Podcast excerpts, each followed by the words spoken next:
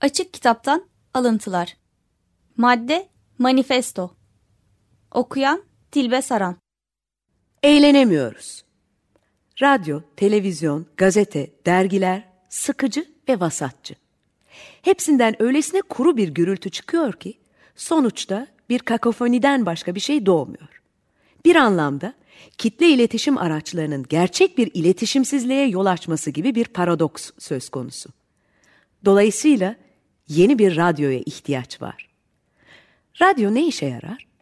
Zihin tiyatrosunu kurmaya, zeki, duyarlı ve nazik insanları bir araya getirmeye, yüz bin kişilik sürekli bir parti yapmaya, olabilecek en direkt teması kurmaya, sağırlara program yapmaya, belli bir fikri ve kültürel yapısı olan insanların bir arada olacağı bir platform sağlamaya.